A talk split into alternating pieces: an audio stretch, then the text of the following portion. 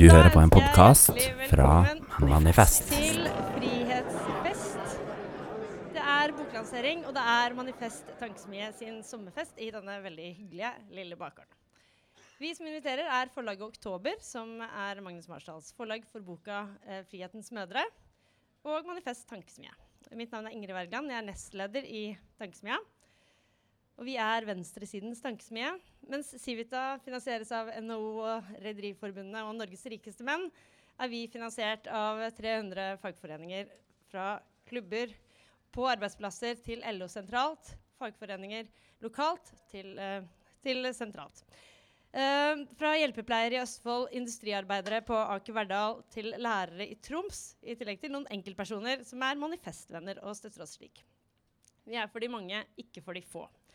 Vi driver med folkelig opplysningsarbeid om hvordan politikk griper inn i folks hverdag.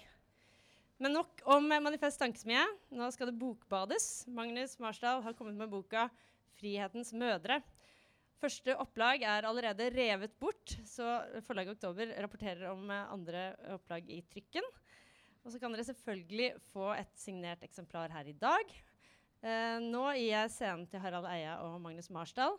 Dette foregår også på internett. Facebook eh, stream, livestream. Uh, så hei til alle dere der hjemme. Uh, vi skal eh, ha dette bokbadet i en eh, knapp eh, time, og etterpå så er det fest. Ha en fin kveld.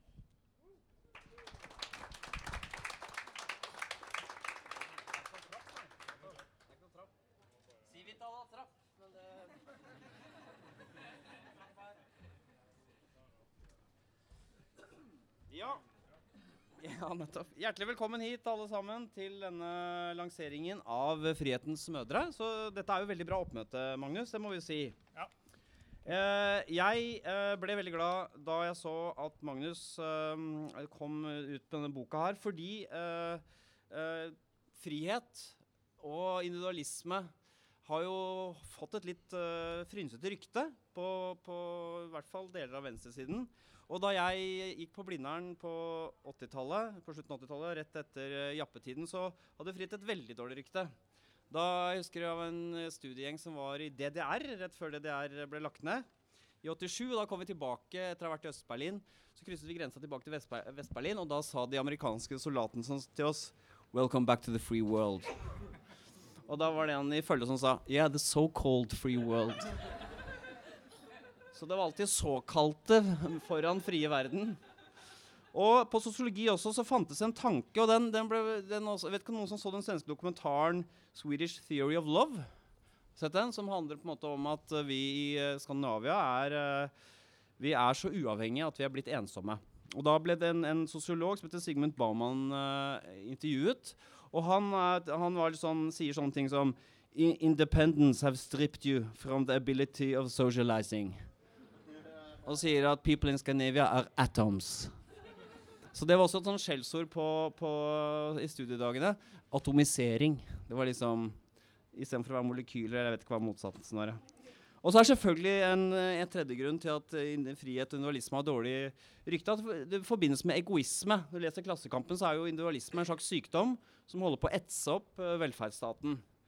Ehm, så derfor ble jeg veldig glad for at uh, du, Magnus, eh, tok tak i og dette frihetsbegrepet, som uh, har på en måte blitt spilt ut på, på um, I hvert fall bort fra venstresidens banehalvdel. Så kan ikke vi begynne med uh, Dette har vært et veldig langvarig prosjekt for deg, stakkar. Du har holdt på med veldig mange år. Hvor lenge har du holdt på med det? Ja, det blir sju år nå Ja. snart. Så eh, du, kan ikke du fortelle hvordan du, denne ideen til denne boka ble unnfanget? Ja, sånn som det framstår i boka, i hvert fall, da. Så er det jo Ja, har du på innside har du noen eh, hemmelige Er det en annen historie som er Ja, det er klart det finnes jo en, en dypere underbevisst historie som, eh, som vil kreve Nei, det ikke ta, ta den som står i boka. Så hadde jeg jo seks måneder pappapermisjon i California med vår første sønn eh, Vemund, som ble født da jeg var 37 år. Og da sitter man jo med lille klumpen på fanget. Han var fire måneder da jeg tok over. da. Og For din kone da har et, eh, skal jobbe på Berkeley, ikke sant? Ja, jeg skal jobbe på Stanford, Stanford gutten min. Unnskyld. Uh, og da skulle jeg ha mine seks måneder som uh, velferdsstatens stedlige representant i Silicon Valley.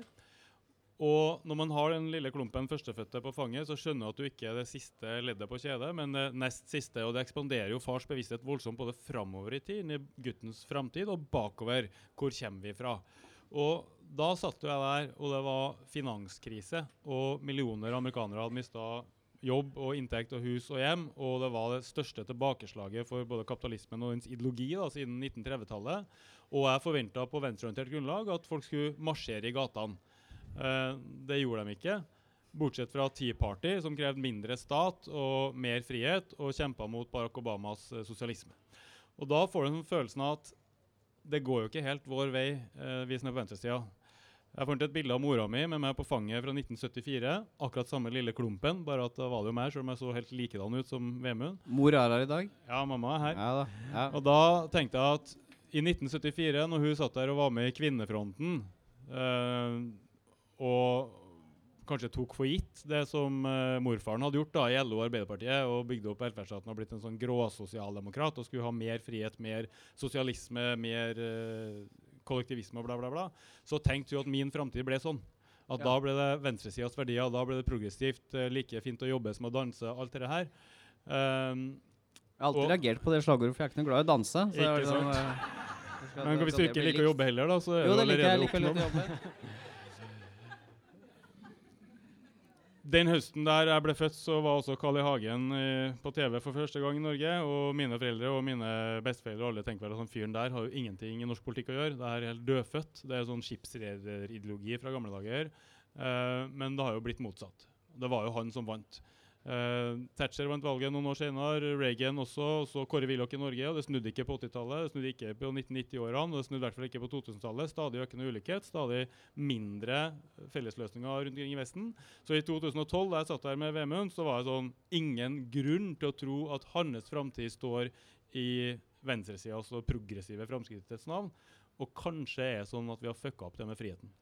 Ja. Kanskje vi aldri forsto at når mennesker har fått nok så trygghet, så vil de ha frihet. Altså at Ja, sånn solidariteten på en måte at velferdsstaten og venstresiden graver sin egen grav. ja, kommer det på et nytt nivå, så vil man ikke ha Solidariteten blomstrer når folk trenger den for å klare seg. Da. Ja. Når de har, så de klarer seg, så vil de heller ha frihet. Da. Uh, så den, den ideen der at kanskje sosialdemokratiets arbeiderbevegelsens storhetstid allerede var i ferd med å passere da, i 1974 utafor der de satt med meg på fanget uten at de visste det. Og at det ble Kalle. Hagen som vant, og at det er noen grunner til det som har å gjøre med at venstresida aldri forsto balansen mellom likhet og frihet. Så det her er på en måte den, den eh, tanken om at hva har egentlig jeg, en venstreorientert nordmann, 37 år gammel, å gi videre til Vemund sin generasjon i 2012? Um, kanskje vi har fucka opp det med friheten? Ja. Kanskje min oldefar da han kjempa for folketrygden, uforvarende la ufrihetens lenker om etterkommernes liv. Nettopp, ja. Ja.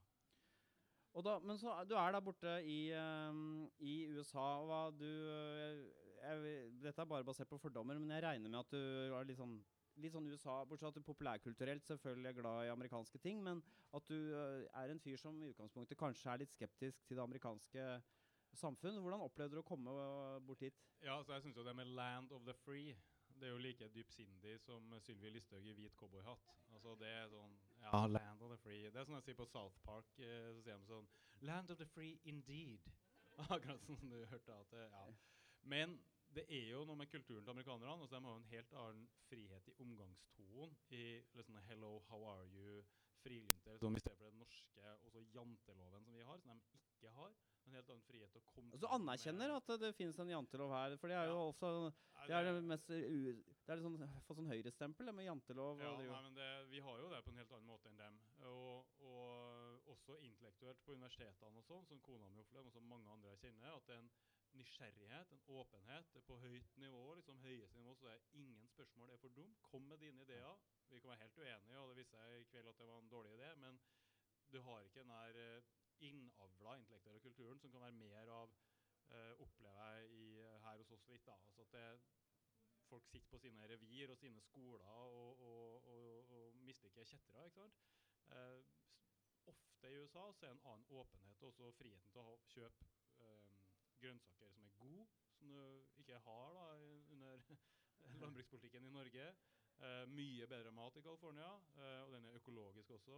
Friheten til å kjøpe vin på butikken. Er jo for Vinmonopolet, det er. Men, Ja. uh, I likhet med 80 her. Men det føltes jo som frihet, da. Eh, og kunne holdt på sånn. Så, Ja, men Vinmonopolet fins jo pga. de som ikke klarer å legge bånd på seg. ja, For oss ressurssterke så er det jo helt unødvendig Ja. ordning, selvfølgelig. Men så, så er det jo det med at de har jo mindre av skatter, avgifter og offentlige inngrep. Ja. Og det virker jo intuitivt sånn at når staten tar mindre av inntekta i skatt, da har jeg mer frihet til å velge selv. Ja. Og når staten tar mer i skatt, da har jeg mindre frihet til å velge selv. På godt og vondt. Vi kan synes at det er bra med den skatten, bra med de fellesløsningene, bra med den likheten og tryggheten, men vi ofrer jo den friheten, da. Så hvis amerikanerne ønsker seg frihet, så får de jo det. Og sammen med offentlige inngrep. Det virker jo intuitivt sant at hvis staten regulerer Du har lov til å ha en sånn kontrakt eksempel, eh, men ikke en sånn. Da er individene mindre fri til å bestemme det selv. Ja.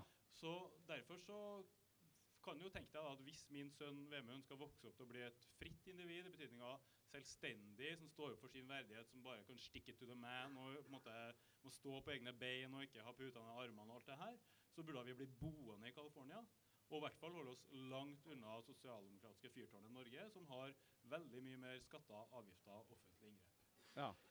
Eller Jeg trodde det sluttet der. Jeg ja, for hva oppdaget du etter hvert? Ja, ikke sant. Nei, det ble jo litt mistenksom. Sånn heter det. Også på Stanford da, så trilla jeg hver dag Vemund eh, klokka to til amming. Eh, så Ble du sett rart på, eh, eller noe sånt? Nei, det var faktisk en fyr Han, han var eldre. Han var en, en britisktalende pensjonist på rundt 80 år som så var på vei bort i, på golfbanen der som vi bodde. Eh, og så eh, ropte han til meg, og vinka da jeg kom gående med vogna, og så sa han Is that a real baby in there? Og så sa jeg yes. Så visste han hvem som lå og sov, da. It's a wonderful thing you're doing. You're, keep up the good work. It's a real baby in there. Så for han så var det her eh, litt stort, da. For han tenkte at det var en psykiatrisk pasient som trullet rundt på, et, Ja. på en dukke eller noe sånt? Og ellers, så, ellers så er vi jo veldig sånn um, liberal, som heter i Palo Alto. Men Ja. det var jo bare jeg som trilla, pluss han Ja. svensken som så ut som faren til Albert Aaberg. Vil si, han så ut som Fredrik Reinfeldt, da. Men uh, Ja. vi to var på pappapermisjon, ellers ingen, ikke sant? Så flaut det ikke var en kjekk svenske. Nå kommer jeg til å bruke opp all tida på det. Ja, ja, nei da, jeg tar tida. det. Ja. Vemund kom hver dag klokka to til sin mors eh, bryst, ikke sant? og ellers så satt hun der og jobba. Men så gikk jo jeg da rundt i korridorene mens eh, han satt der og amma, eller dia, som det egentlig heter da. ja, det var lett å blande sammen. Og da oppdaga jeg en annen liten gutt som var akkurat like gammel. Så det var en lyshåra, blond liten eh, norsk baby på et halvt år, og så en amerikansk mørkhåra som var lille Lilen, som var med mora si Isla på jobb. Men det var hver dag. Så hun prøvde å jobbe mens han kravla over til staturet og hadde babygråt og babybleier og ja, babybæsj innpå der. Og da knaker det i det verdensbildet, da. Er det sånn at hun norske her har ofra sin frihet for en eller annen likhet og er slave av velferdsstaten, mens hun amerikaneren da, med de bleiene oppi tastaturet, at hun svever i en høyere sfære av individets frihet inni der? ikke sant? Uh, hmm. Ja. Ja. Mm, er det noe som, og dette er det du kaller for er det, er dette du kaller for den amerikanske frihetens paradoks? Er ja, det? Ja, fordi de er tilsynelatende mer frie enn oss. Det er mindre skatter, avgifter og offentlige inngrep, men i praksis så er jo vi mer frie enn dem. De har jo veldig lange arbeidsuker, mange jobber over 50 timer. De har ingen lovfesta rett til ferie, og i mange tilfeller har de da heller ikke noe særlig ferie. Um, de eh, har f.eks. null dager lovfesta rett til fødselspermisjon med betalt. og Det plaga jo hun Isla. ikke sant? Hun hadde litt grann i California med 55 lønn en liten stund, men det var jo slutt nå, så da satt hun der. Og, og mange i California har jo eh, problemer med barnehageprisene. Det koster jo i Palo Alto 150 000 for ett barn. Så det Ja. er jo penger, det òg. Ja. Så i praksis så ser de mindre fri ut. Og jeg møtte en fyr som jobba two jobs, som det heter. Altså 17 timer i døgnet jobba Robert. Det først å kjøre en taxi, og så jobbe en nattskifte på hotellet etterpå. Og så sa han But they pay no money in a hotel. Så spør jeg hvorfor jobber jeg da. Og da så han på meg som jeg var dum. Og så sa han I told you I had medical problems. I need health insurance. Så de trenger helseforsikring, for de har ikke et felles uh, uh, helsevesen. Så den, den siste Og- jobben som han ikke tjente noe penger på, det sikret han en Der- god helseforsikring? Der var det frynsegoder. Ja. Og det er du ikke garantert hvis du er en eh, arbeider, altså. Eh, med, med health insurance. Og han måtte ha det. Så han jobba da 17 timer i døgnet. Og så så han at jeg syntes det der var litt dårlig deal. Så sa han 'I'm happy'. Den, han har tre døtre. Alle har fått utdanning. Han har klart å gjøre dem til sykepleiere helt uten noe pute under armene. Han har stått på og kjempa for det her sjøl. Og 'I'm happy'. Og han mente det. Men så spurte jeg da, men hvis du bodde i Norge og hadde helsevesen som en rettighet, betalt med skatt og avgift og offentlig inngrep, er dårlig gjort. Det, men ville du da ha, ha jobba nattjobben også? Ja. Og da sa han at nei, han ville ikke det. Så, så det betyr at han er jo også på en annen måte enn vi er, da. Eller min far ville ha vært. Eh, utsatt for omstendighetenes tvang. Så det finnes en tvang her også som vi virker å være litt fri for. Så det, her er det paradokset. Ja. Hvordan kan de da være mer fri i teorien, men mindre i praksis? Ja, og det er den amerikanske fredens paradoks. Ja. I, I teorien så høres ut uh, Altså Skulle du argumentere på en fest eller over, et, uh, over en øl, så vinner jo det, den som påstår at eh, mindre skatt fører til mer frihet. Men når du ser på realiteten, så ser det ikke sånn ut. Ja, det er vel ikke så rett fram, da. Og, sånn, og dette oppdager du på felt etter felt. Ja. Altså denne, denne, denne amerikanske ufriheten. Uh, det er liksom de, de eldre også er fanget i uh, et system som gjør dem ufrie. Det er mange, langt flere eldre for eksempel, som jobber. Det ser man jo hvis man er uh, i USA. Det står noen gamlinger og tar imot noen billetter, og de Det er veldig mange amerikanere som måtte begynne å jobbe igjen etter finanskrisa fordi pensjonen var privatfond som gikk kraftig ned da eh, børsen og andre verdipapirer gikk ned. Uh, jeg har besøkt ei i Denver som har en søster som har flytta til Norge. da, og sammenlignet deres liv. Og klart at Den friheten uh, hun har da, i form av lav skatt, den har noen omkostninger. fordi Da hennes private pensjon ble for lav, så måtte hun da begynne å jobbe igjen i en alder av 72 og ble fulltids barneskolelærer etter et tidligere karriere som advokat.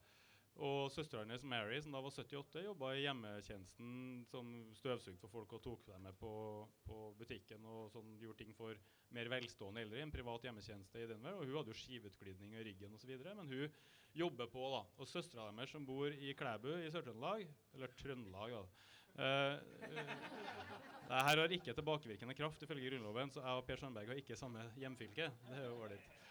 Hun sier jo det at mine, Jeg er jo stolt av mine søstre. At de jobber, de står på. Det er jo, er jo veldig imponerende. Men samtidig, de har jo, det er jo ikke fordi de vil. De har de samme smertene, samme plagene som alle andre. Det er fordi de må. De er tvunget Ja. til å jobbe til de blir 80 år. Så her er det jo hele tida det her paradokset. da, som Du vi- dubber sånn som CNN gjør når, de, når noen fra andre land snakker. Ja. Så For eksempel en kenyaner så legger de på engelsk med kenyansk aksent. Ja. I'm not very happy with this uh, corrupt system. Ja. så det, det samme gjør du når du skal gjengi Ja, da for, for, ser du for deg hun norsk-amerikanske er amerikansk-norske med en gang. ikke sant? Ok, og så er det også en sånn litt sånn uh, som egentlig er litt sånn ikke så lett å få øye på for, en, for oss som bor her, men at kvinne, dette, denne riggen her gjør også kvinnene mer avhengig av menn. Uh, altså det er jo den amerikanske kvinner ser man jo man ser amerikanske serier, legger så vekt på er det en mann som er committed. Ja, ja, ja. Fordi eh, de i større grad eh, trenger en mann for å få hjulene til å gå rundt. Var det også det noe du observerte da du var der? At, det var, eh, at damene var underlagt mennene i større grad fordi det fins mindre velferdsstat og mindre rigg? Ja, det har jeg ikke så mye grunnlag for å mene. Det har ikke jeg sett så nøye på, faktisk. Okay. Eh, men det som jeg la merke til, var jo kjønnsrollemønsteret når folk får barn. Det er jo Ja. studert litt på, fordi eh, eh, ja, Det er en amerikansk sosiolog hun har studert eh, folk som får barna i Silicon Valley, i relativt velstående, eller veldig velstående område.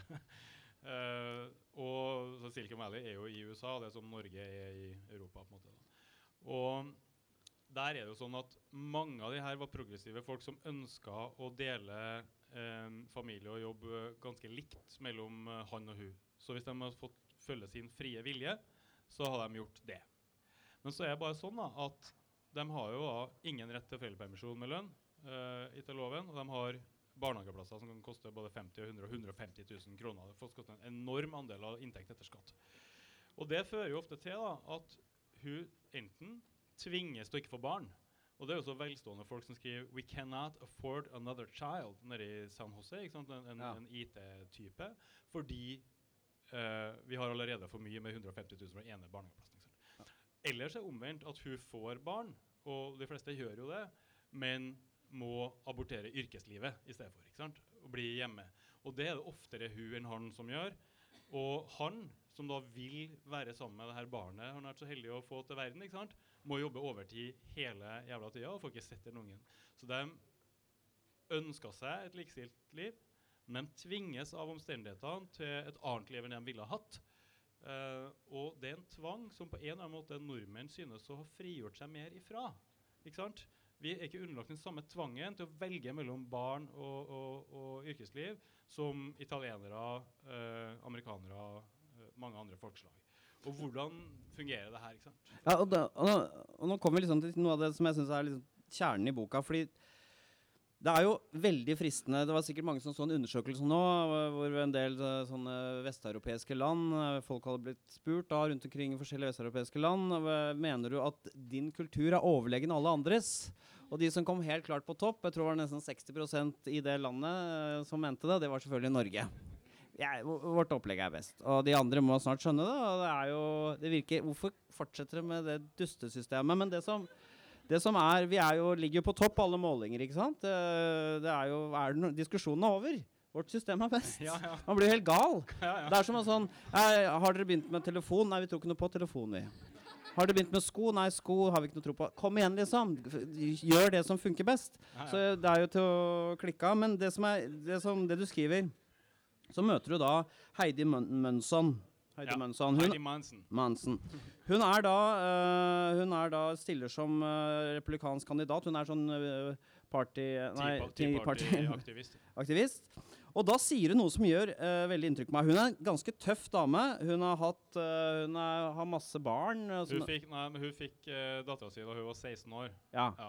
Og har jobba hardt og jobba mye og ikke fått noe gratis og fått det til. Ja. Og så sier hun allikevel jeg ville valgt vårt system framfor hvilket som helst i hele verden pga. friheten vi har.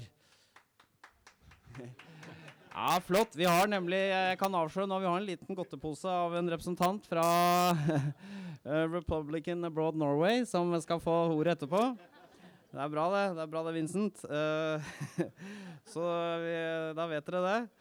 Vi har en antagonist i salen. ja, bra at du forklarte det som skjedde her nå, Harald. Ja, ja, for, for jeg bare for å Så da øh, øh, Så da tenker du Tar hun feil? Er hun, har hun falsk bevissthet? Du tror du er fri, men du er det ikke. Nå må du snart innse at altså, hvordan, hva, man, ja, hva, tenker du om henne når hun sier det? Nei, hun dum? Heidi er jo i hvert fall ikke dum. Og men, men, det er klart, de, de, lærer veldig mye i Tea Party, og, og hun har bl.a. lært at uh, det frimarkedssystemet som USA har valgt, uh, er forankra i fem bibelsteder. Og det er bl.a. Ja. den som ikke jobber, skal heller ikke ete. Det er typisk sånn bibelsted som de er opptatt av. Um, men det er noe dypere så, enn det? Det kommer vel ikke ja, fra Bibelen? Men, nei, sånn at denne religionen deres den ene som den er. altså Det må man jo bare se forbi, tenker ja, jeg. Ja. Um, det gjør vi i Norge veldig ofte med religion. Med er, mange, det, det, er ikke så farlig kan ikke bety så mye, kan det? Det er noe annet som driver sånn. Og uh, jo mer du snakker med folkene her, da, som er veldig interessant altså Du spør en Tea Party-aktivist, en religiøs gærning ifølge mange nordmenn, så vil du få akkurat samme svar hvis du spør en veldig rasjonell libertarianer som syns at Tea Party er religiøse gærninger. Uh, Intervjua begge to, liksom. Og begge er villige til å blø for at USA ikke skal bli en millimeter mer som Norge. Ikke noe ferielov, ikke noe free college, ikke noe foreldrepermisjon. Så spør de om frihet, så går det fire minutter, så snakker de om at en eller annen arbeidsløs nede i gata må få mindre i trygd. Altså ja. En eller annen latino må lose his welfare check. Så de begynner å snakke om rettferdighet.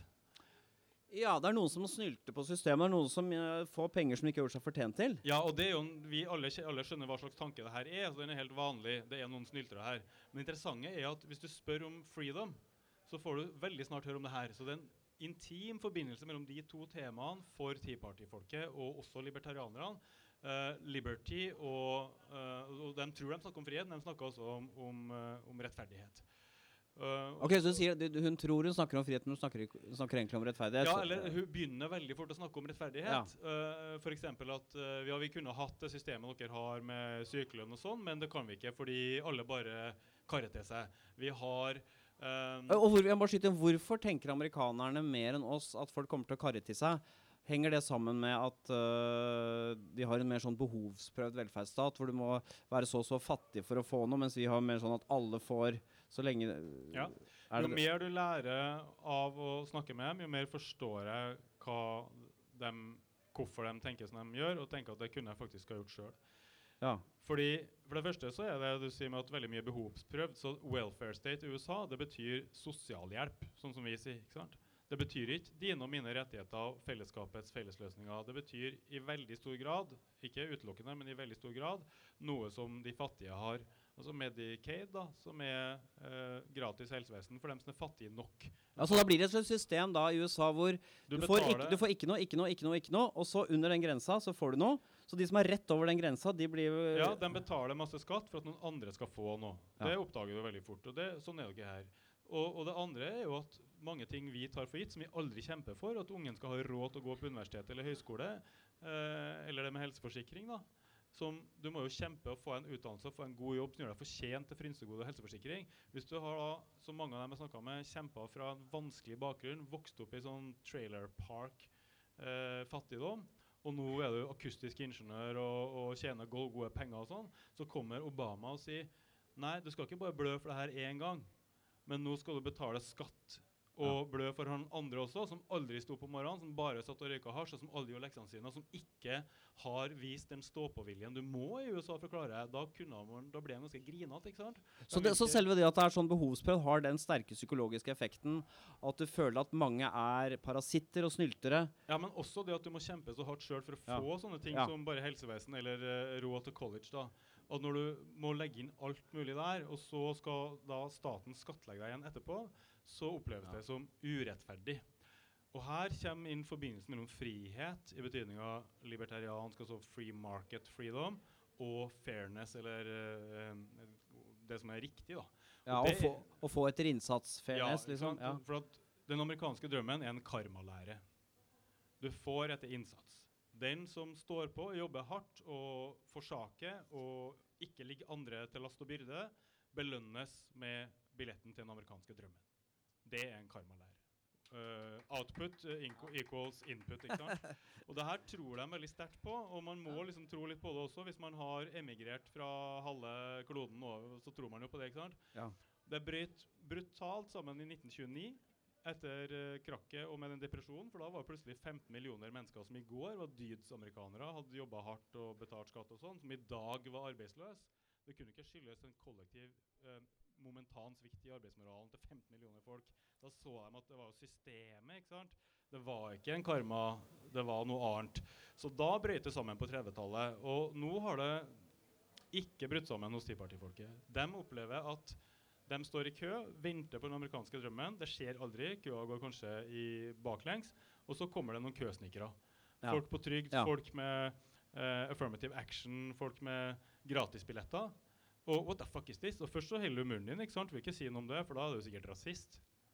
Men så ble det bare mer og mer. Og så oppdager du da at kanskje en sånn køsniker har blitt president til og med. I hvert fall så driver staten og hjelper folk fram i køa. Altså staten, da, som burde vært politimann og passa på at ikke folk sniker i køa, hjelper dem fram. Og Så- i det verdensbildet så er staten en kilde til urett. Ja. Ja.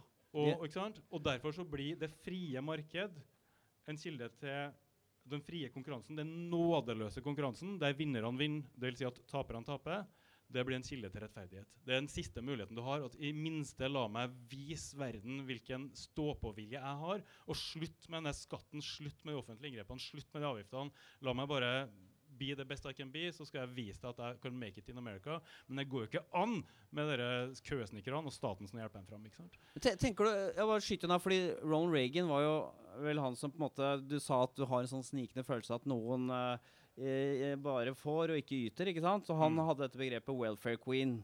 Så hadde vel også, om det var diktet opp, eller om det faktisk var en dame han hadde i hvert fall en dame som han snakket om i talene sine, som hadde på en måte faka til seg fem eh, sånne tidligere Hun var enke etter fem, hadde 100 barn, og hun var liksom omtrent millionær, da. Yeah, we know of a woman. She has 20 identities. She picks up a welfare check in a Mercedes Benz. Det var sånn, Ja. så det var Ik ikke alltid etterlign Reagan mer uh, fra nå av. Nei. Eh, Ja, men det var i hvert fall en sånn historie Ja, han ja, fortalte og så han fortalte da, om at det fantes noen antageligvis uh, afroamerikansk, vi er ikke sikre, eh, som eh, det lå vel mer i en- kortene at han sa det rett Ja, ut. men liksom. det Alle en- visste det, på en måte. en queen. Ja. Ja, som, sånn, ja. Ja, eh, som Nei, og, Og da- og da snakka veldig mye om de snylterne, og at dem lå andre til last, og at det skulle bli slutt på. Tenker du at For jeg så en undersøkelse nå for ikke så lenge siden som viste at um, mange vil at uh, det skal være mer behovsprøvd i Norge også. At de som har minst, skal få mer. Tenker du at det er en sånn type sånn det at, Og det virker som en god tanke, ikke sant? Gi de svakeste mer. Målretting heter. Tenker du det at det er første skritt på veien til at en eller annen da At middelklassen begynner å tenke Fader, hvorfor skal jeg drive og betale for det kalaset her når de får så mye? Og så kommer det en eller annen på høyresiden en dag som setter ord på følelsen, sånn som Reagan gjorde det. Tenker du at behovsprøving er på en måte kilden til eh, årsaken til den eh, følelsen av ikke ville lage et spleiselag? Eh, det er i hvert fall to veldig forskjellige systemer du får, ikke bare på liksom, rettighetene, men også på mentaliteten. Det tror jeg er riktig. Ja. Så hvis du bygger et behovsprøvsystem i større grad, så får du en realitet som er at noen betaler for at uh, de andre får, som ikke folk opplever i så stor grad i, i, i Norge i dag. Da. Så det er veldig stiavhengig. Når du først har måttet kjempe deg til privat, det som amerikanerne har, så er det ikke så rart at de ikke ønsker å betale én gang til over skatteseddelen. Og nordmenn slipper det dilemmaet her, for vi har betalt over skatteseddelen og slipper å betale privat helseforsikring. Si litt mer om det stiavhengig, for det hører Ja. det, det, det ordet dukker opp hele tiden. Det betyr, Er det en annen måte å si på at det som skjedde i fortiden, preger oss i nåtiden? Ja, sånn path dependent. Ja. Altså når du først har valgt den veien, altså er det veldig vanskelig å komme seg ut. Fordi alle de her menneskene har jo da uh, kjempa seg til privat, ikke sant? Ja. Uh, og betalt kanskje og, og private helseforsikringer og sånn. Ja. Men i Norge også, det er veldig vanskelig for forsikringsselskapene å selge helseforsikring. Fordi når folk ha, har alt dekka gjennom folketrygden, og sånn og sånn, og sånn, så må du finne på sånne mulige trusler. For å, så det er stiavhengig her også. Ja. Stakkars forsikringsbransjen. Kan du ikke skyte inn, kan du ikke forklare veldig kort hvordan kom vi inn på den gode stien? Eller den, eh, den Jeg skal ikke lage Ja, det her går jo tilbake til overgangen fra sånn Hvorfor gikk vi i den fella og følte at dette her er ikke fair? Nei, Fra en sosialhjelpsstat til velferdsstat da, er jo et uh, skifte. altså fordi dem som laga velferdsstaten, som kjempa fram det her i uh, LO osv., så sånn som min uh, oldefar, dem var jo ofte fra små kår og visste hva ufrihet var. Og ufrihet var jo ikke å ligge under slavepisken i sørstatene eller trellelenka i Norge på 1100-tallet, for det har vi jo slutta med. Ufrihet, det var avhengighet av den som har mer. Altså du var økonomisk avhengig av dem som satt på makta, om det var som du var husmann, og han kunne kaste deg og familien ut av boligen for et godt ord hvis du ikke var underdanig nok. Og det var vilkårlighet, altså at makta ikke var regulert. At uh, det var opp til nessekongen eller andre sånne storfolk da, om du skulle få låne me mel til ungene dines overlevelse, eller om du var gjort deg fortjent til en almisse. Så det er en kombinasjon av avhengighet og vilkårlig makt skapt husmannsånden, underdanigheten. At du måtte det, har, det her konnoterer litt til metoo. da. Altså den, det ha, har å gjøre med at hvis du er for avhengig av velviljen, den vilkårlige velviljen til han som står over deg, så kanskje du ikke våger å gjøre det et fritt menneske vil, nemlig å forsvare din verdighet, forsvare dine interesser, si din ærlige mening. Husmannsånden, avhengigheten, handler om selvsensuren, om knyttneven i lomma, om det underdanige. Men hvordan kommer vi oss Poenget er bare hvordan kom Og, vi ja. og da er det sånn at dem som kjemper for velferdsstaten, folk som Johan Nygaardsvold, som var en husmannssønn, dem ser jo forskjellen på almisser og rettigheter. Altså, de sier vi skal ha mindre avhengighet av pengemyndigeren. Vi skal ha egen pensjon som rettighet, vi skal ha egen sykelønn som rettighet. Vi skal ha rettigheter i velferdsstaten fordi vi er innbyggere, ikke eh, muligheter til å inndyne oss hos sjefen. For det blir underdanig. Og så skal makta eh, reguleres. Eh, det vil si, du skal ha rett til saklig oppsigelse. Det skal ikke være fordi han ikke liker at jeg har vært og solgt uh, fagforeningsaviser, eller fordi jeg prøvd meg på resepsjonisten som jeg har tenkt å prøve seg på sjøl. Det er jo sånn som Donald Trump han sier 'It's not personal, it's business'. Uh, ja, eller 'It's not personal, it's business'. Ja. Og det er jo veldig personal. Han sier jo 'Jeg kan ikke ha en fyr her som uh, bruker snus'. You're fired. Ja. Eller Ja. du, kan ikke komme med en vits i mitt nærvær. You're fired. Han er jo solkongen i sitt hoff på The Apprentice. Han sitter jo sånn og forfremmer den ene og fordømmer den andre etter regler som bare kongen selv har skrevet i hodet sitt. Altså, som TV-mann så vil jeg si at den amerikanske arbeidslivsmodellen er bedre for å lage underholdning enn den norske. Ja, det, det tror jeg er riktig.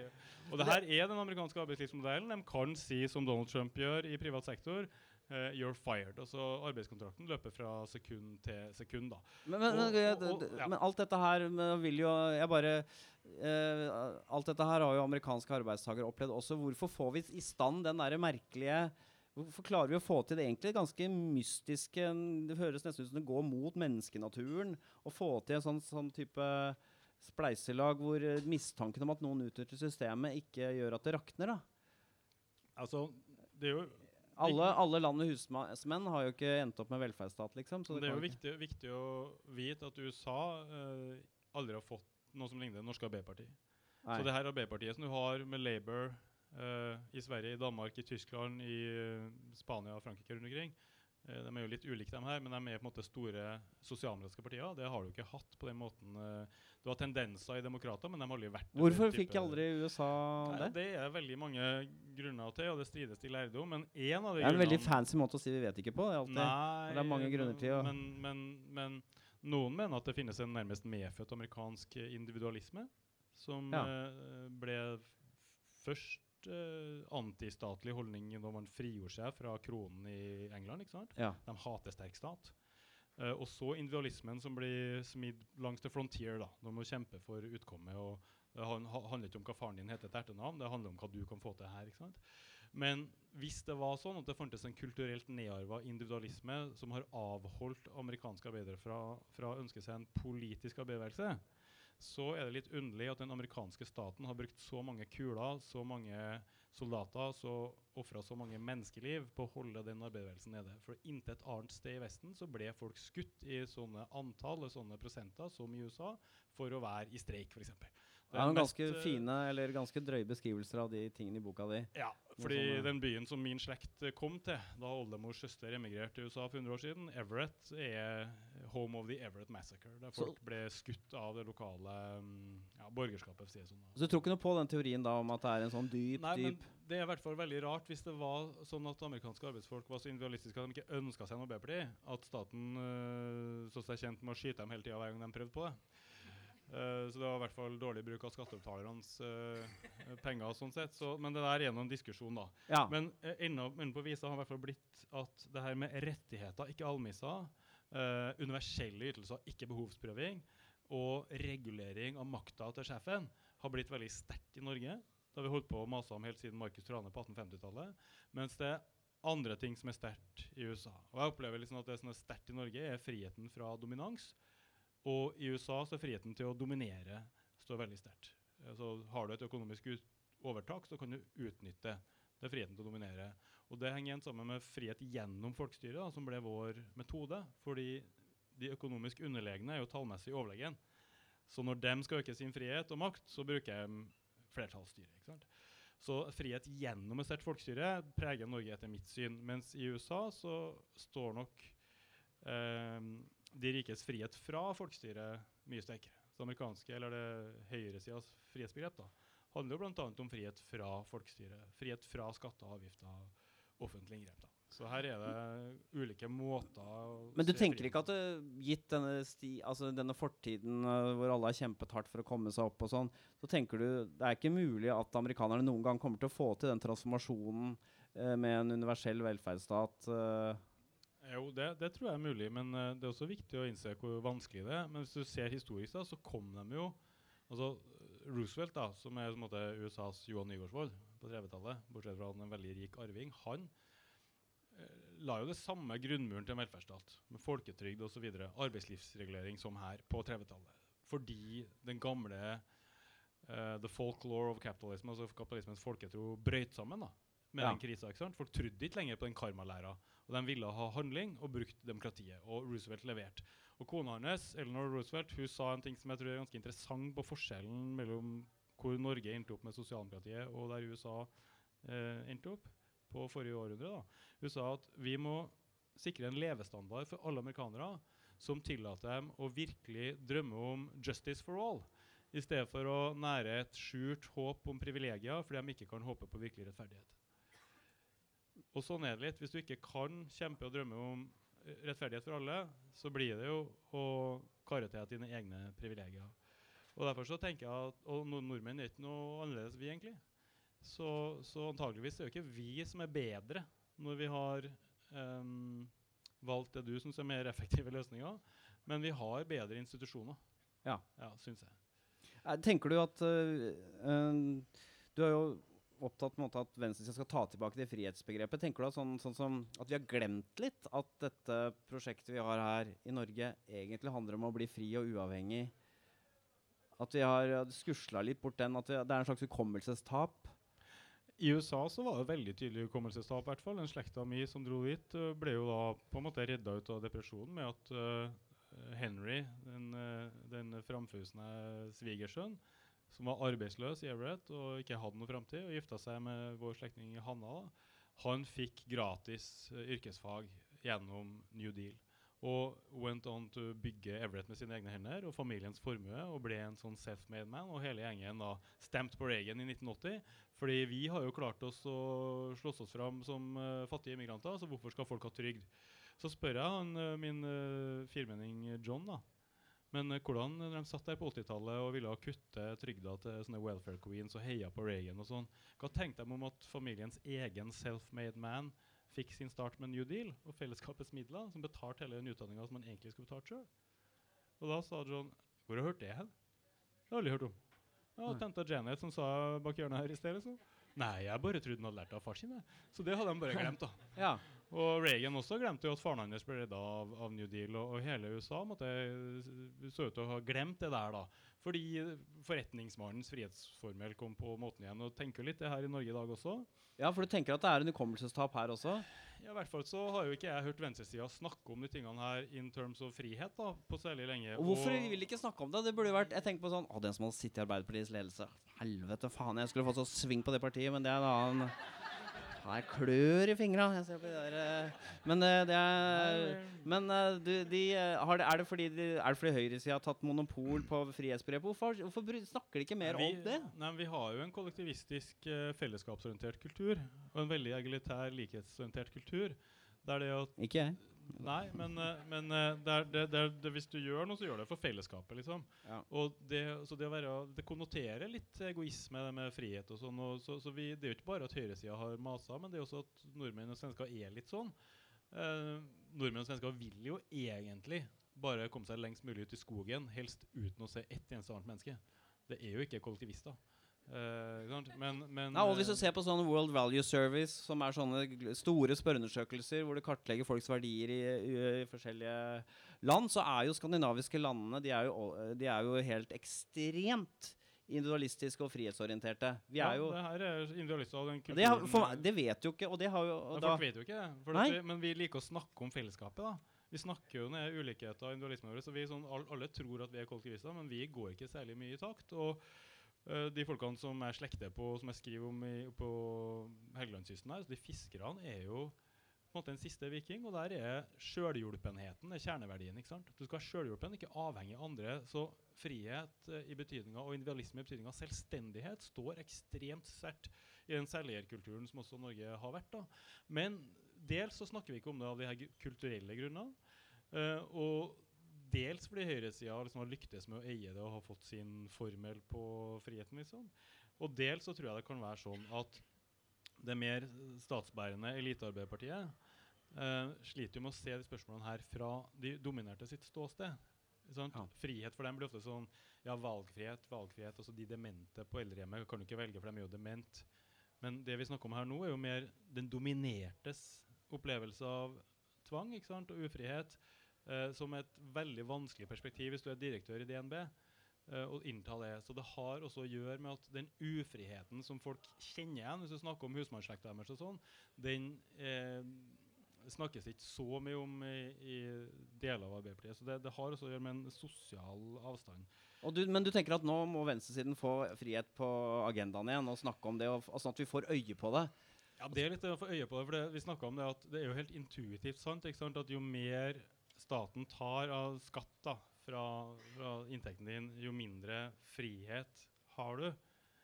Men det er jo, ja, med mindre det er frihet du kjøper for de pengene. Ja. Det kunne jo være det at min frihet og min kones frihet å kombinere arbeid og barn er jo da sikra gjennom skatter, avgifter og offentlige inngrep, til Si foreldrepermisjon. Vi har jo kjøpt oss fri fra de omstendighetenes tvang gjennom et genialt tiltak. Ja, Vi mister litt frihet for å betale mer skatt, det gjør vi på en måte, men får Men mye vi mer igjen. kjøper frihet for de pengene. ikke sant? Så det er det ene, at fellesløsningene bygger frihet for folk flest. For det var den eneste måten. Hvis du er milliardær, så har det ikke noe å si. Men for folk flest så er effektive fellesløsninger som frigjør i en situasjon her du får barnehage, du får foreldrepermisjon. Det er en høyere form for frihetssivilisasjon da, enn å si bare 'every man for himself', for da er det milliardæren som har frihet, og ikke andre. Men det andre er jo det med offentlig inngrep. At vanlige folk har erfart at du har mer selvstendighet overfor sjefen med kollektiv i ryggen. Ja. Du har, det er mye bedre å ha ferieloven, så du har fire uker pluss uansett, enn å deg hos sjefen for å få fri, sånn som du må i mange amerikanske bedrifter. En, en sånn ting som, en sånn bare liten psykologisk ting som vi ikke legger merke til, er at i, det fins veldig mange amerikanske filmer, men også YouTube-klipp, som er en veldig dramatisk scene i en amerikansk film. Og det er når den ansatte går opp til sjefen og sier 'fuck deg'. Så er det en sånn dramatisk begivenhet eh, i amerikansk arbeidsliv, for da, kan du få, da får du mest sannsynlig spark med en gang. Mens en norsk tilsvarende scene, hva skulle det bety, liksom? Da, må, da blir jo sjefen veldig lei seg og må gå til sin sjef igjen og bli Nei, sykemeldt. og- vanligvis da, så vil jo den ansatte si 'I quit', og så kaste av seg det forkleet på det dumme restaurantgulvet for siste Ja, gang, og så stryke på dør. da. Så det er jo på en måte jevnbyrdigheten i, i friheten. Ja, for det du kan som en sterk, befriende scene, men for Ja. oss er det meningsløs, en meningsløs scene. Ja, for du må jo uansett sitte oppsigelsestida, ikke sant? Ja. Og en annen ting som ikke Jeg, jeg snakket med noen av de som lager den amerikanske versjonen av Skam. Og det man gjør da det lager Skam, det er selvfølgelig intervju av masse ungdommer ikke sant, for å kartlegge hvordan er livet deres egentlig. Og da har de gjort det samme amerikanske ungdommer. Og det de oppdaget da, og som var det rare med norsk Skam for amerikanske seere, er hvor er foreldrene? Og det er jo også litt rart for oss, for de er jo veldig, lever veldig uten foreldre i den norske Skam. Men poenget er at norske unge mennesker er eh, takket være en sterk stat med studielån og generelt all den uavhengigheten som følger av velferdsstaten, så er de ikke så avhengig av foreldrene sine. Det er ikke så mye SMS-er. Foreldrene kommer ikke på universitetet, sånn som amerikanske foreldre gjør. Altså det er en sånn, Ungdommene våre er rett og slett veldig fri. da. Ja. Så det er sånne ting vi ikke, ikke ser helt, fordi det er det vannet vi svømmer i. på en måte. Ja, den selvstendigheten i forhold til ekteskapet også, ikke sant? som Margrethe Bonnevie skrev om på 30-tallet. altså Ekteskap og arbeid, sånn som du ser i, i Ibsen, dukkehjem og det her. Det er, jo, det er jo en måte en Husmorkontrakten var en husmannskontrakt. Det var utlevert til velviljen til en som satt med pengene, og kun få begrensa ytringsfrihet av det. da. Og Nordmenn og, og svensker virket med, de opplever den typen avhengighet som veldig krenkende av noen sånne frihetsidealer som vi har, på en annen måte enn mange amerikanere. Mange amerikanere opplever den det vi jo tenker mer på sånn sånn paternalistiske og kanskje til og med patriarkalske avhengighetsbånd og sånn, vil de oppleve som mer som varme, kjærlighet, tilhørighet. Ja. Eh, altså kollektivisme i den forstand. Ser positivt på det. Mens vi opplever det som en trussel mot selvstendigheten. da. Ja. At folk skal være selvstendige. Og det er jo det som den svenske teorien om kjærlighet handler om, som Lars Skjægård og andre skriver om. at den skandinaviske synet på kjærlighet er at det må være to økonomisk likeverdige og dermed uavhengige parter for at det skal være sann kjærlighet. Fordi hvis hun er avhengig av min inntekt, hvordan vet jeg da at det er meg hun velger? Ikke sant? Ja. Så sann kjærlighet, autentiske forhold, må bygge på økonomisk likeverd. For oss er det en helt selvsagt tanke. Den er ikke vanlig nødvendigvis i, i, i resten av verden. Og det her er som du sier, det vannet du svømmer i, som du ikke forstår da, eh, når, når du ikke ser det. ikke? At det, det, grunnlaget for vår kamp for fellesløsningene har vært selvstendighetstrangen.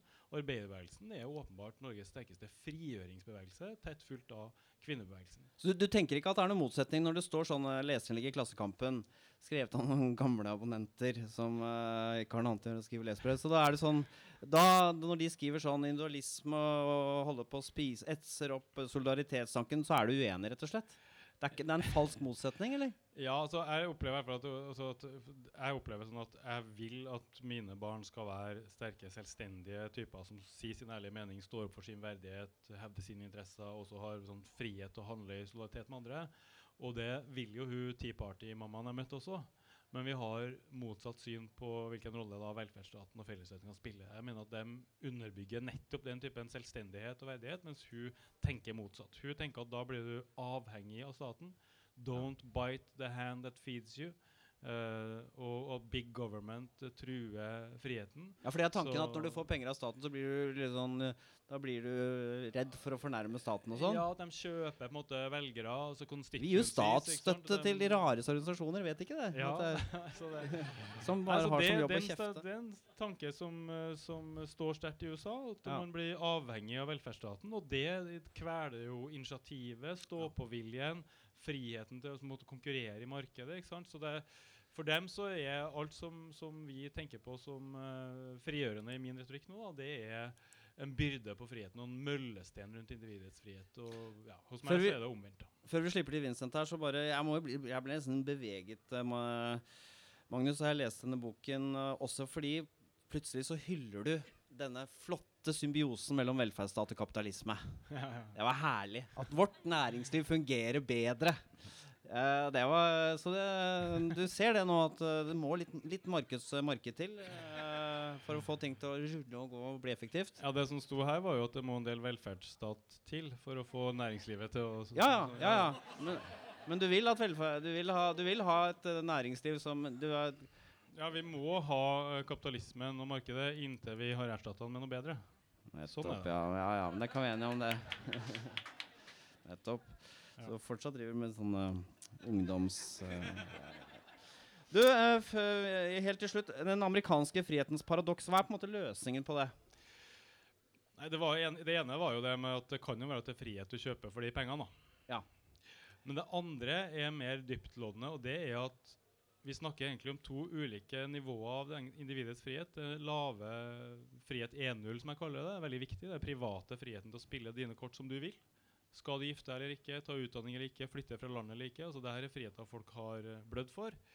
Eh, og den vil liberalistene at alle skal ha, altså høyresida. da. Den er veldig viktig. Mens den høyere friheten til å bestemme spillereglene demokratisk har liberalistene historisk ønska at eliten skulle ha for seg sjøl. Vi skulle ikke ha stemmerett.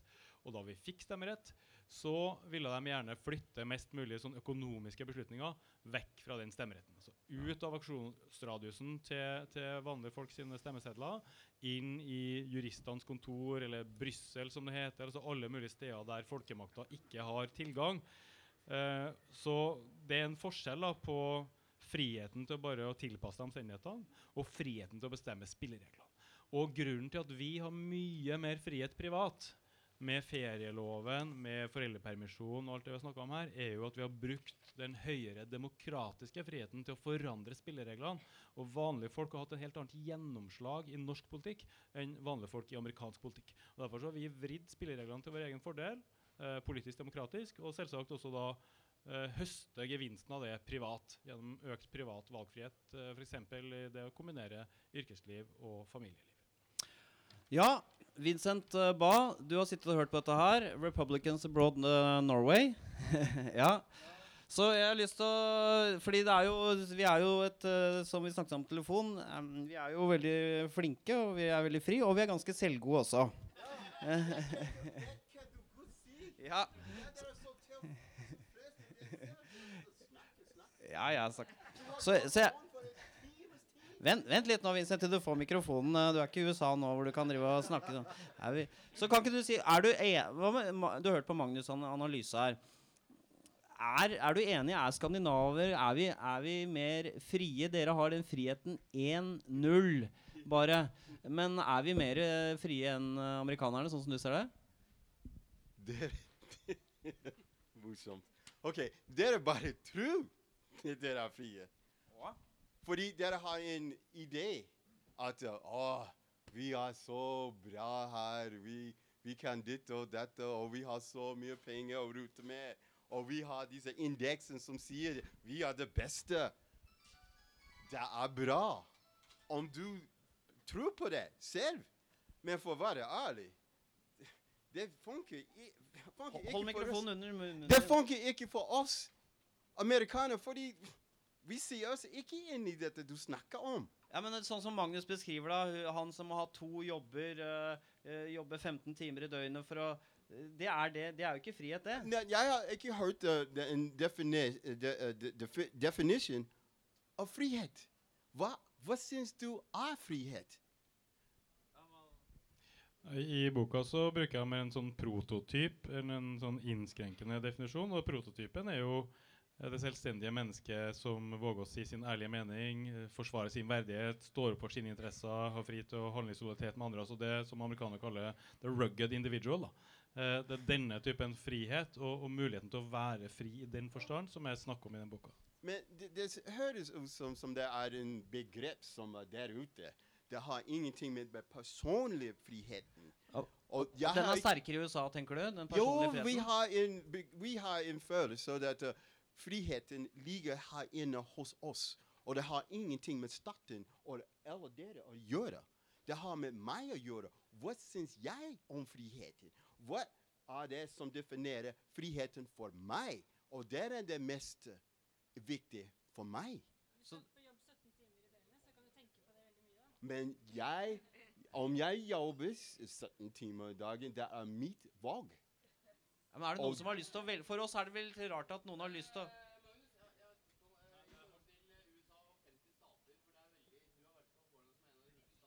vi ta, Kan vi ta det spørsmålet etterpå, så Så, så, så det, du, det, du, det du sier Men eh, for oss er det vel litt Nå snakker jeg litt for deg, eh, Magnus, men sånn f.eks. friheten til å velge ulike helseforsikringer, f.eks. for, for eksempel, da. Eh, det, for oss er vel det en sånn derre Vi vil bare ha det fikset. Det skal være på plass, så vi kan slippe å måtte ta en jobb hvor vi er avhengig Men- av arbeidsgiverens ordninger for å få helseforsikring. Men når du jobber for selv, du kan selv bestemme når hva du vil kjøpe. Det er det viktigste. Så det er ikke, det er ikke bestemt for folk som er ikke meg. Jeg vil bestemme over mitt liv. Ja, men det er, er, er, det er jeg helt enig i. Jeg forstår det perspektivet. Men sånn som vi, eller jeg, ser på det norske demokratiet, staten, velferdsstaten, så er ikke dette paternalistisk at noen bestemmer over meg. Det, det er, det er det, feilen ligger med den første staten.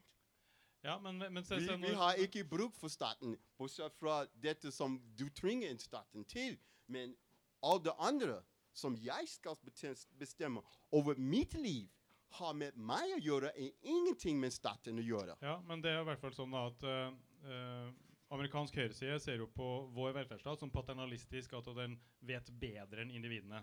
Og den får ikke velge selv. Men når vi har foreldrepermisjon gjennom folketrygden, så er det fordi vi har valgt det selv.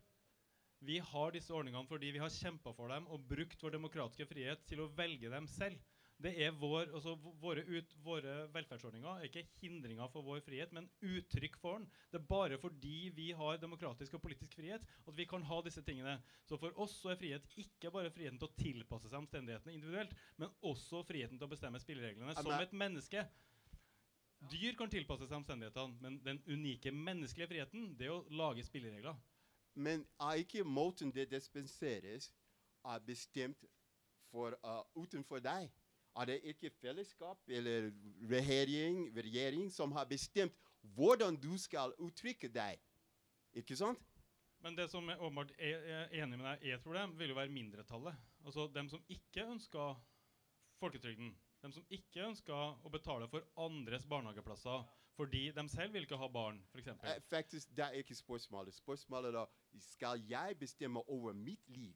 Ikke, for, ikke, ikke uh, måles på andres liv og andres bestemmelse.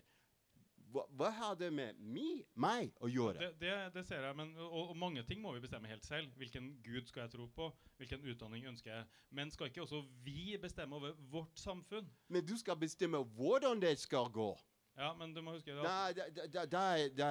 er anti-amerikansk å bestemme hvordan det går. OK, vi har det. Vi har bestemt vi skal ha det. Men hvordan skal vi dispensere dette? Mm. Og ja, vi vil ikke ha det, så det staten og fellesskap skal bestemme over meg. Ja, men det er jeg enig i, men i Norge da, ta foreldrepermisjon, så kan jo vi ta den ut over tre år. Så vi kan bestemme selv når vi tar den. I, hvis du jobber for Google, så får du foreldrepermisjon når du får den. Det bestemmer Google. Vi kan til og med velge kontantstøtte i stedet for barnehageplass.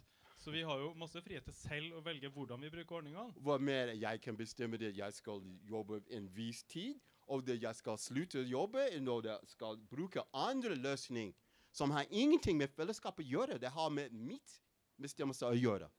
Hvis vi bare koker det ned, mitt ståsted det er sånn at jeg er helt enig i at uh, det er individets frihet og valgfrihet som er viktig her. Men jeg mener at det finnes noen hindringer for individets frihet som det ikke kan overvinne selv. Om- og da kommer fellesløsningene inn i bildet. Om du sier som vi har nå, det er uh, regjeringen har, har, flyttet ut av veien, og vi har mer bestemmelse over vårt eget greie. Så når vi har vår egen bestemmelse, skal er vi mer, mye mer fri å bestemme hva, og hvordan vi skal gjøre ting. Ja, men ikke hvis noen i utgangspunktet har mye makt over andre som er avhengig av dem. For at hvis du tar lover og regler ut av bildet, arbeidsmiljøloven i Norge f.eks., så blir det den rikes frihet til å utnytte sitt overtak. Det har, faktisk, det har ingenting med det rike eller det elite å gjøre. Det har med hva jeg skal, hva skal jeg bruke mitt til. Og vi vil ikke ha det så det andre bestemmer over oss. Fordi vi er, som du sa, du liker å si den uh, rugged individual, ikke sant? Men det er en amerikansk ideell som sier at jeg kan, jeg er det beste for å bestemme over meg. Og ja, det er greit med, med fellesskapet og alle dette der og regjeringen. Ja, greit. Men hold dere borte fra mitt, pre, mitt privatliv. Så hvordan tror du det ville gått hvis Magnus dro på foredragsturné i USA og lagde et sånt uh, Og la frem sin, eh, sin, uh, sin syn på frihet? Om du holder deg, om du holder deg på en viss del av det amerikanske publikum, det går greit. Ja. Men om du skal ute i Trump-land, Ja. ah, det er en annen sak. Ikke sant? Ja, det er likt å se, faktisk, Magnus. Uh, du, takk skal du ha, Vincent. Takk skal du ha. Ehm, er det noen andre spørsmål? Det var noen eh, som jeg skulle brife med at han visste om hvor mange stater det var i USA her. Ja. ja.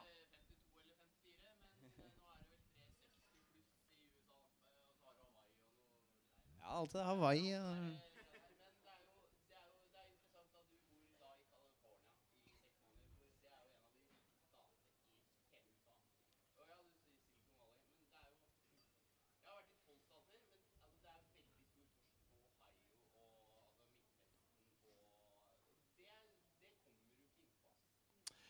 Nei, Det blir riktig påpekning, det. Altså, det. Jeg måtte jo tenke litt på det. Og et valg som jeg gjorde, da, var at nei, vi skal ikke dra til en industriruin i Detroit og stå ved suppekøa der. Og så skal jeg da fra Norge stå og si Oh yeah, so where's your freedom?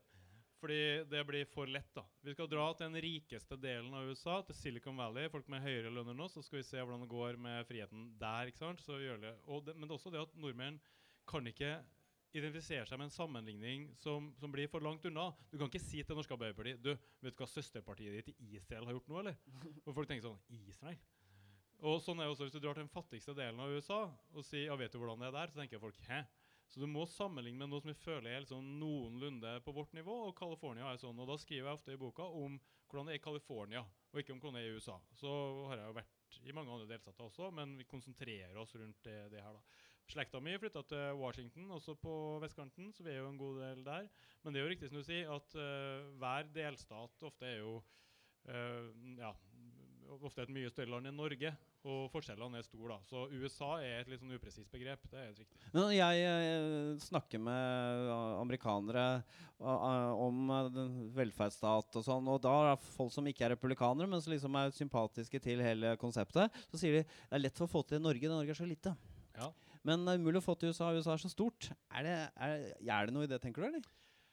Ja, fordi at uh, avstanden til sentralmakta blir så stor at, uh, at man føler, som du sier, Vincent her, at, uh, at uh, Hold dere unna meg, liksom. For, Ja. og, og vi føler et annet eierskap til, til vår stat, som vi i noen grad også har mekka sjæl. Så eh, ja, vi elsker dette landet. eh, Hele den sangen der eh, er jo liksom Ja, vi elsker dette landet som vi har mekka sjæl. Eh, Fedrene har kjempet. Mens eh, 'Du gamla, du fria' for eksempel, en typisk nasjonalsang. Det handler om en sånn hyllest til staten. Så Ja. vi har en, et slags eiendomsforhold, og det er helt riktig det, at eh, vi, arbeidsfolk har prega den staten mer enn den amerikanske. Men det føler amerikanerne at de har skapt dette landet sjøl. Det er jo en veldig følelse av at uh... Ja, men de føler at staten er langt unna. Men du, Ja. du har jo tendenser til velferdsstat på delstatsnivå. Du har jo Ja. helt andre ordninger i Washington for eksempel, enn i Midtvesten osv. Så, videre. så Ja. Montana har til og med en slags eh, rett til saklig oppsigelse, men der bor det jo en million folk, da. Så ja. Ja, flere, to spørsmål til eh, så deg først. Vil du ha mikrofon, eller? Ja, der, Dere snakker jo begge om uh, filmen uh, 'Den svenske teori om kjærlighet'. Og Den fine siden ved den filmen er jo at, uh, at kvinner og menn er blitt økonomisk uavhengige, og de eh, kan finne hverandre i ren og pur kjærlighet. Den andre mer alvorlige siden er jo at, eh, at eh, det svenske samfunn har fått et stort ensomhetsproblem. Fordi at menneskene der er blitt så uavhengige av hverandre at de ikke trenger hverandre. De kan eh, dø på et rom, og to år senere så finner staten eh, faren som ligger død på et rom, eh, helt pillråtten. Det er jo den alvorlige siden. Og, og her i Norge så plasserer vi jo barn i barnehage. Vi, vi vil ha heldagsskole. altså Vi har jo institusjoner som velferdsstaten som overtar mer og mer av det fellesskapet som i USA de er mye flinkere til. Det er et mye større fellesskap i det sivile samfunn. Så har du tenkt på det i, i, i ditt arbeid? Ja, nå vet jeg at uh, Harald må få svare litt på det her også.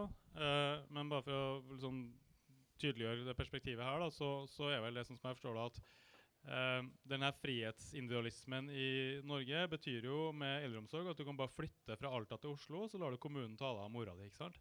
Altså det er fri fra sosiale forpliktelser, er på en måte teorien. da.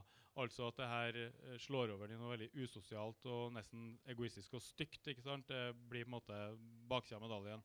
Og det vet jeg at uh, Harald også har studert litt egentlig om, eh, om ensomheten i Sverige. og Ja, ja fordi i denne dokumentarfilmen har vi veldig sånn talende bilder av folk som dør alene, og hvor posten hoper seg opp, og de har ikke fått besøk av noen på lenge og sånn. Men, men så når man ser på de, i hvert fall de samfunnsforskerne jeg har snakket med, som studerer bl.a. ensomhet og hvordan eldre har det, så er jo ikke folk i Skandinavia mer ensomme. Og eldre har det bedre enn i sør i Europa. Så det er noe som ikke stemmer her med teorien til uh, den svenske Swedish eh, Theory of Love. og han Lars Tregård, han som du refererer til, som også intervjuet der, når jeg snakket med han, så sa han han forteller jo bare halve historien. Han vil skape et dystert bilde, fordi det er bl.a. en del, et bilde som amerikanerne liker. De isolerte eh, skandinavene som tar sitt eget liv, som ikke snakker med hverandre. Og merkelig nok så er den derre den litt sånn kjølige måten å være på, sier i hvert fall Tregård, er et resultat av vår store respekt for uavhengighet. Du skal ikke blande deg opp i andres liv. Så plutselig blir den der ikke hilse på hverandre-greia Det er verdens frieste folk. Verdens frieste folk er ikke sånn eh, folkehøyskole som roper og skriker. Det er innesluttede mennesker som ikke skal Ifølge Tregård, da. Det, det, men det som er bottom line her, er Er det riktig at vi er mer ensomme enn andre? Er det sånn at barn lider mer og har mer psykiske problemer fordi de sendes på, i barnehage? Tallene, sånn som jeg har sett, tyder ikke på det. Men det er lett å tenke seg det på sånn teorinivå. Så jeg vet ikke du, om du vil svare på det, eller? Jeg bare tenker at eh, amerikanere er veldig flinke til å Amerikanere er veldig flinke til å finne fellesskap utenfor organiserte, altså statlig organiserte virksomheter. De, det vokser og gryr rundt deg, eh, og det ser man veldig lett når man er i USA. Og det, det, Her tar på en måte staten hånd om deg. Ja, det her er jo et viktig poeng i forhold til nordmenns eh, altså noen gang forakt for amerikanere. Fordi eh, de står jo på i sine lokalsamfunn. ikke sant? Eksempel ta han libertarianeren da, som er intervjua, som, eh, som mener at eh, det å ta skattepenger fra meg og gi til andre liksom uten at jeg har bestemt hva det skal gå til, det er tyveri. Og det denies me freedom. liksom. Da kan du tenke å herregud, for en egoist. Men han har altså, da, for å takke for den store karrieren han har gjort som sånn uh, ingeniør, og sånn, tatt inn en masse fosterbarn. Så masse hardt prøva unger fra broken homes som han gir en ny start med noe tøff love og noe skikkelig omsorg. Eh, jeg som en venstreorientert nordmann har jo ikke hatt tid til det, for jeg skal jo skrive bøker og sånn. ikke sant? Eh, så det er, det er jo ikke det er jo ikke vi som er bedre enn dem i hele tatt. Og det er jo klart at i mangel av velferdsstat så blir jo kirkene viktigere og andre frivillige fellesskap viktigere. Det er sånn du eh, tolker det. Det er et mangel av velferdsstat, så blir frivillige organisasjoner viktige. Ja, det, ja, det er den ene sida at i mangel av velferdsstat så blir selvsagt den andre solidariteten viktigere. Men Den norske velferdsstaten er skapt nedenfra av norske kvinners sanitetsforening, av eh, fagforeningene. De mesteparten av rettighetene og mulighetene er kjempa fram lokalt, og så ble det til en lov senere. ikke sant? Og i dag så er jo LO landets sterkeste folkebevegelse, og alle de kontingentkronene er frivillig penger. Dette er jo det vi kaller en social movement, eller sosiale entreprenører nedenfra. LO-forbundene er jo det. Så vi overdriver den ideen om at alt er stat eh, i Norge. da. Det er Mye av det kommer nedenfra, og det er organisk forankra i en kultur. Det er ikke dytta på utenfra med tanks, sånn som vi gjorde i Øst-Europa. Pl- pl- Pluss at det er jeg som ikke er noe særlig flink til å hjelpe folk. Jeg liker heller å betale masse skatt enn å drive og slippe å jobbe gratis på en kirke med noen gamle tullinger. der. Nej, jeg, jeg er ikke, jeg er ikke nevet. Det, det beste med det amerikanske uh, samfunnet er at når ting skjer, se for eksempel, du husker uh, dette skjedde med Katrina. Det var FEMA som brok ned. Det var FEMA som var ubrukelig. Men hva skjedde? Det var folk som ikke bodde på Louisiana, som bodde overalt i Amerika. De kom og hjelpe. De, de, de, de. Vi trengte ikke the government. Vi trengte ikke regjeringen. Det var folket. Det var folk som har kommet til rescue til andre folk som, som bodde i Louisiana. ikke sant? Det har ingenting med uh, staten å gjøre. Det hadde med folkene i USA å gjøre. Så du tenker at det gikk bra med Katrina? Til slutt, til slutt gikk det bra. Ok, du hadde et spørsmål også. Da tror jeg vi runder deg etter det. Vær så god. Nei, jeg bare tenker sånn eh, Som det blir beskrevet i denne bokpadet, så er jo sikkert i boka et eller ikke sted nå. Eh, så at eh, det som er det største med amerikansk frihet, er friheten fra. Altså friheten fra overgrep fra staten, friheten fra påbud osv. At du skal ha friheten til å leve ditt eget liv, da. ikke sant? Og så tenker jeg at det finnes jo en del måter å leve sitt eget liv hvor jeg tenker, i hvert fall sett utafra, da, sett fra mitt perspektiv, så er det jo en man er veldig mye friere i Norge. da, altså Friheten til å være homofil, friheten til å være transperson, friheten osv. Så sånn, virker jo utrolig mye friere i Norge enn det gjør i frihetens forpost USA. Hva kan det skyldes? Er det riktig, at, uh, bare for å ta det, at det er friere for å være Ja, det kommer jo an på Hvis du ser på Gay Parade i New York City, så føles det relativt fritt. Men hvis du vet hva de har kjempa, kanskje i sin delstat, så er det ganske rørende også. Så det har jo vært forbudt inntil relativt nylig i, i mange eh, Ja. flere delstater. Og, og det har jo selvsagt med religion å gjøre. Så det er en helt annen religiøs kultur i store deler av USA. Med den typen eh, konservatisme står jo sterkere enn det gjør her. da. Dette er et mer sekulært sted av tusen grunner. Johan Galtung han mener jo at de eh, dro over for 400 år siden, og mange var sånne religiøse uh, wackos. Og så har de levd under en sånn osteklokke siden, Uh, bortsett fra på kystene.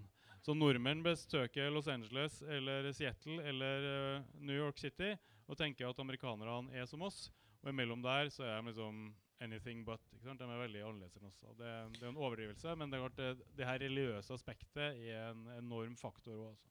Men du, helt til slutt, er det noen som tenker du Nå har det vært så mye negativt om USA. Jeg, be- be- beklager det. det er jo, men Dere er så store og mektige, så vi føler vi kan hamre løs på dere. Men, men er det noe du nevnte i starten, den intellektuelle åpenheten. Jeg husker veldig godt da vi lagde Hjernevask, så hadde jeg et spørsmål jeg stilte mange norske amerikanske akademikere, og jeg tok det ikke med. jeg, og da det var, Hva ville skjedd hvis uh, rettsstaten, politi, alt dette forsvant? Ville, hvordan ville samfunnet blitt da? Amerikanere uten liksom unntak sier ok, det som ville skjedd da, var at det ble et klansamfunn ganske kjapt, sånn som det har skjedd i Libya og en del sånne steder. Du søker tilbake til familien, for det er der den, største tilliten har du der, og sånn. Mens de norske akademikerne da er veldig spesielt at det skulle skje. Det er, det er ikke noe Det tviler jeg sterkt på. Og så, så er det sånn Kom igjen, liksom! De satt liksom nedsyltet i uh, Så er det, andre, sånn, er det andre ting du, du tenker vi kan lære av dem, uh, som vi burde liksom Ikke bare disse systemene deres, men også annamme? Ja, det føles i hvert fall sånn i den, det privilegerte Silicon Valley og, og den startup-kulturen som er der. Altså der er det akkurat som du tror, sånn klisjé. På hver eneste kafé så sitter det noen folk med noen helt ville ideer som skal bli the next big thing på internett. ikke sant? Og oppe i gata så bor det noe venture capital, og snart så skal dette her bare pulsere. Og alle tror så veldig på at dem er den som skal forandre hele verden hele tida. Og det er en frihet i den kulturen der, og en stå-på-vilje som jeg mener er veldig sunn. Uh, og som av en eller annen grunn det virker som svenskene har mer av enn oss. Ja. Fordi svenskene gründer jo Skype og det ene Spotify etter det andre. Det liksom det, de har jo blitt en sånn eh, startup capital of the world. Så vi kan hvis vi vil, vi også. Og da er det fordel med velferdsstaten, da, fordi det er risk-friendly place. Der kan du liksom gi gjerne, bli gründer og satse alt. Og går det på snørra, så har du jo fortsatt Så det burde vært mer gründerånd her enn på en måte kreativitet her enn det er. Ifølge Ja. teorien så burde det vært enda mer enda mer. Vi starter, galskap vi starter flere bedrifter i året enn en amerikanerne. Men jeg lurer Det er mye tullebedrifter, jeg- jeg sånn er på hvilke bedrifter det er. liksom. Ja, det er sånn derre Vestfoldrøra, som er sånn vaffelrør og sånn. Vant sånn derre gründerpris og sånn. Det er ganske tusle greier, ass. Altså, Så- det, det, er noe, det er noe helt herlig med den uh, kulturen her. og det er på en måte, Hvis du bare ser bort fra det folkemordet og det slaveriet og dem som bodde her fra før, og sånn, så er Amerika på en måte den beste ideen menneskeheten har hatt. ikke sant? Den her Ideen om å skape et nytt samfunn på et så svært kontinent med er de ressursene og de mulighetene, og sånn, det er bare helt fantastisk. Det er et eventyr som du nesten ikke kan tro, men det er det likevel tydeligvis mange som gjør. Ok, dere. Da takker vi at dere kom. Jeg vil minne om at Magnus har skrevet denne boken og brukt sa syv år på den. Han fortalte meg at det har kostet Han har tatt opp forbrukslån for å få råd til dette her. Så jeg oppfordrer til å kjøpe boka til både slekt og venner også. Og så takker jeg for at dere kom, og gratulerer Magnus med en strålende bok. Takk til Vincent.